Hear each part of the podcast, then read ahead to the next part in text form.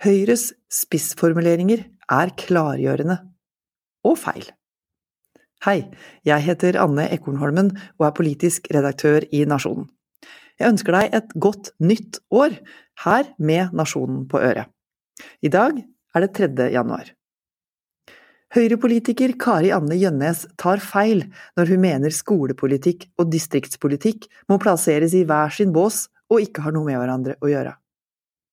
Vi kan ikke opprettholde en skole for at han onkel Johan skal ha et sted å feire 17. mai, mener Kari Anne Gjønnes, skolepolitiker for Høyre. Utrolig arrogant og nedlatende er dommen fra statssekretær Ole Gustav Naru fra Senterpartiet i Kommunal- og distriktsdepartementet. Og hvilke skoler blir egentlig opprettholdt med kunstig åndedrett av hensyn til onkel Johan? Spissformuleringer kan være både underholdende og provoserende. Ikke minst er de oppklarende.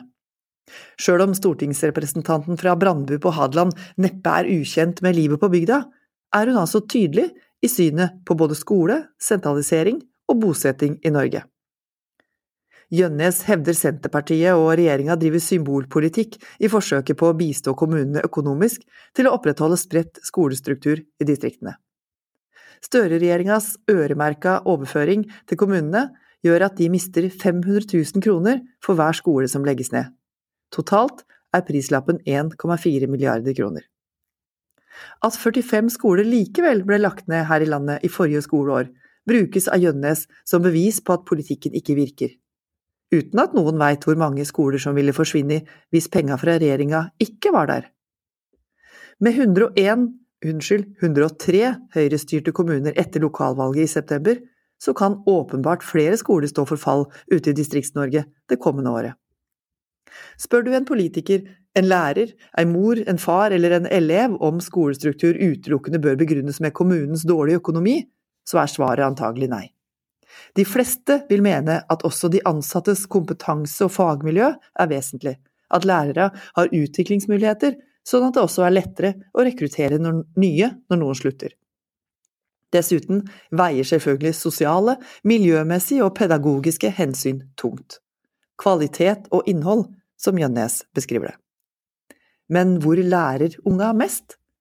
Hvor trives de best? Se, derom strides de lærde. Forskningen peker i flere retninger og kan til manges frustrasjon ikke vise noen tydelig sammenheng mellom størrelse på skole og kvalitet på trivsel og læringsutbytte. De sprikende analysene av skolestørrelse og struktur gjør det vanskelig å avslutte diskusjonen med to streker under svaret, og dermed tilsvarende lett å plukke argumentasjon som forsvarer eget syn. Da er det velkomment når politikere viser sine krystallklare standpunkter, som at Gjønnes ikke har nevneverdig omtanke for onkel Johan og resten av lokalsamfunnene, verken i hverdagen eller til nasjonaldagsfeiringa. Vi må aldri glemme at hovedoppgaven til skolen er at ungene skal lære å lese, skrive og regne skikkelig, sier Gjønnes retorisk. Nei, det er det ingen av oss som gjør. Men høyrepolitikeren hopper glatt og bekvemt over at skolepolitikk også er distriktspolitikk. Sistnevnte er uansett ingen prioritet for Høyre at lokalpolitikere stått, alle lokalpolitikere som har stått i stormen, veit hva skolen har å si for bygdas potensielle attraktivitet hos barnefamilier, som også er arbeidstakere og skattebetalende innbyggere i et potensielt fraflyttingstrua distrikt. De ser hva et nav i samfunnet betyr for trivsel og bolyst, og du kan, som Gjønnes, gjerne nedvurdere eller le av både 17. mai-feiring, idrettslagets organiserte fotballtreninger, sjakklubben, dametrimmen på tirsdager, den uformelle innebandyen for gutta over 40, korøvelsene, amatørteatret og juniorkorpset.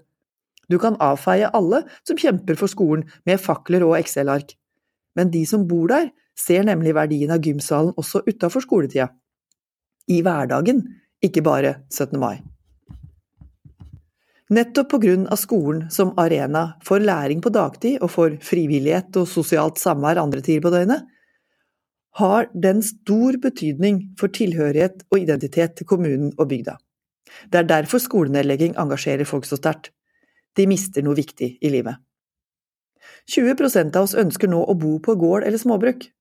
3,6% flere enn foregående år. Ifølge en undersøkelse gjennomført av Infact for Nasjonen. Gårder og småbruk befinner seg som oftest i grisgrendte strøk. Det er oppsiktsvekkende tall for dem som ønsker spredt bosetting, mulighet for gode liv på bygda og aktive distrikter over hele Norge. Da er det ikke symbolpolitikk å prøve å opprettholde tilbudet i Distrikts-Norge, og på best mulig måte drifte tilbud som alle innbyggere har et forhold til gjennom store deler av livet. Det er selvfølgelig ikke skolestrukturens hovedoppgave å være instrumentell, men i praksis er skole også et distriktspolitisk virkemiddel. Det begrepet viste Høyre gjennom åtte år i regjering at de har lite forhold til, og Gjønnes bekrefter standpunktet. Dette var dagens Nasjonen på øret. Du kan høre flere kommentarer hvis du går inn på nasjonen.no på fronten vår av nettavisa, eller der du finner andre podkast. Vi høres!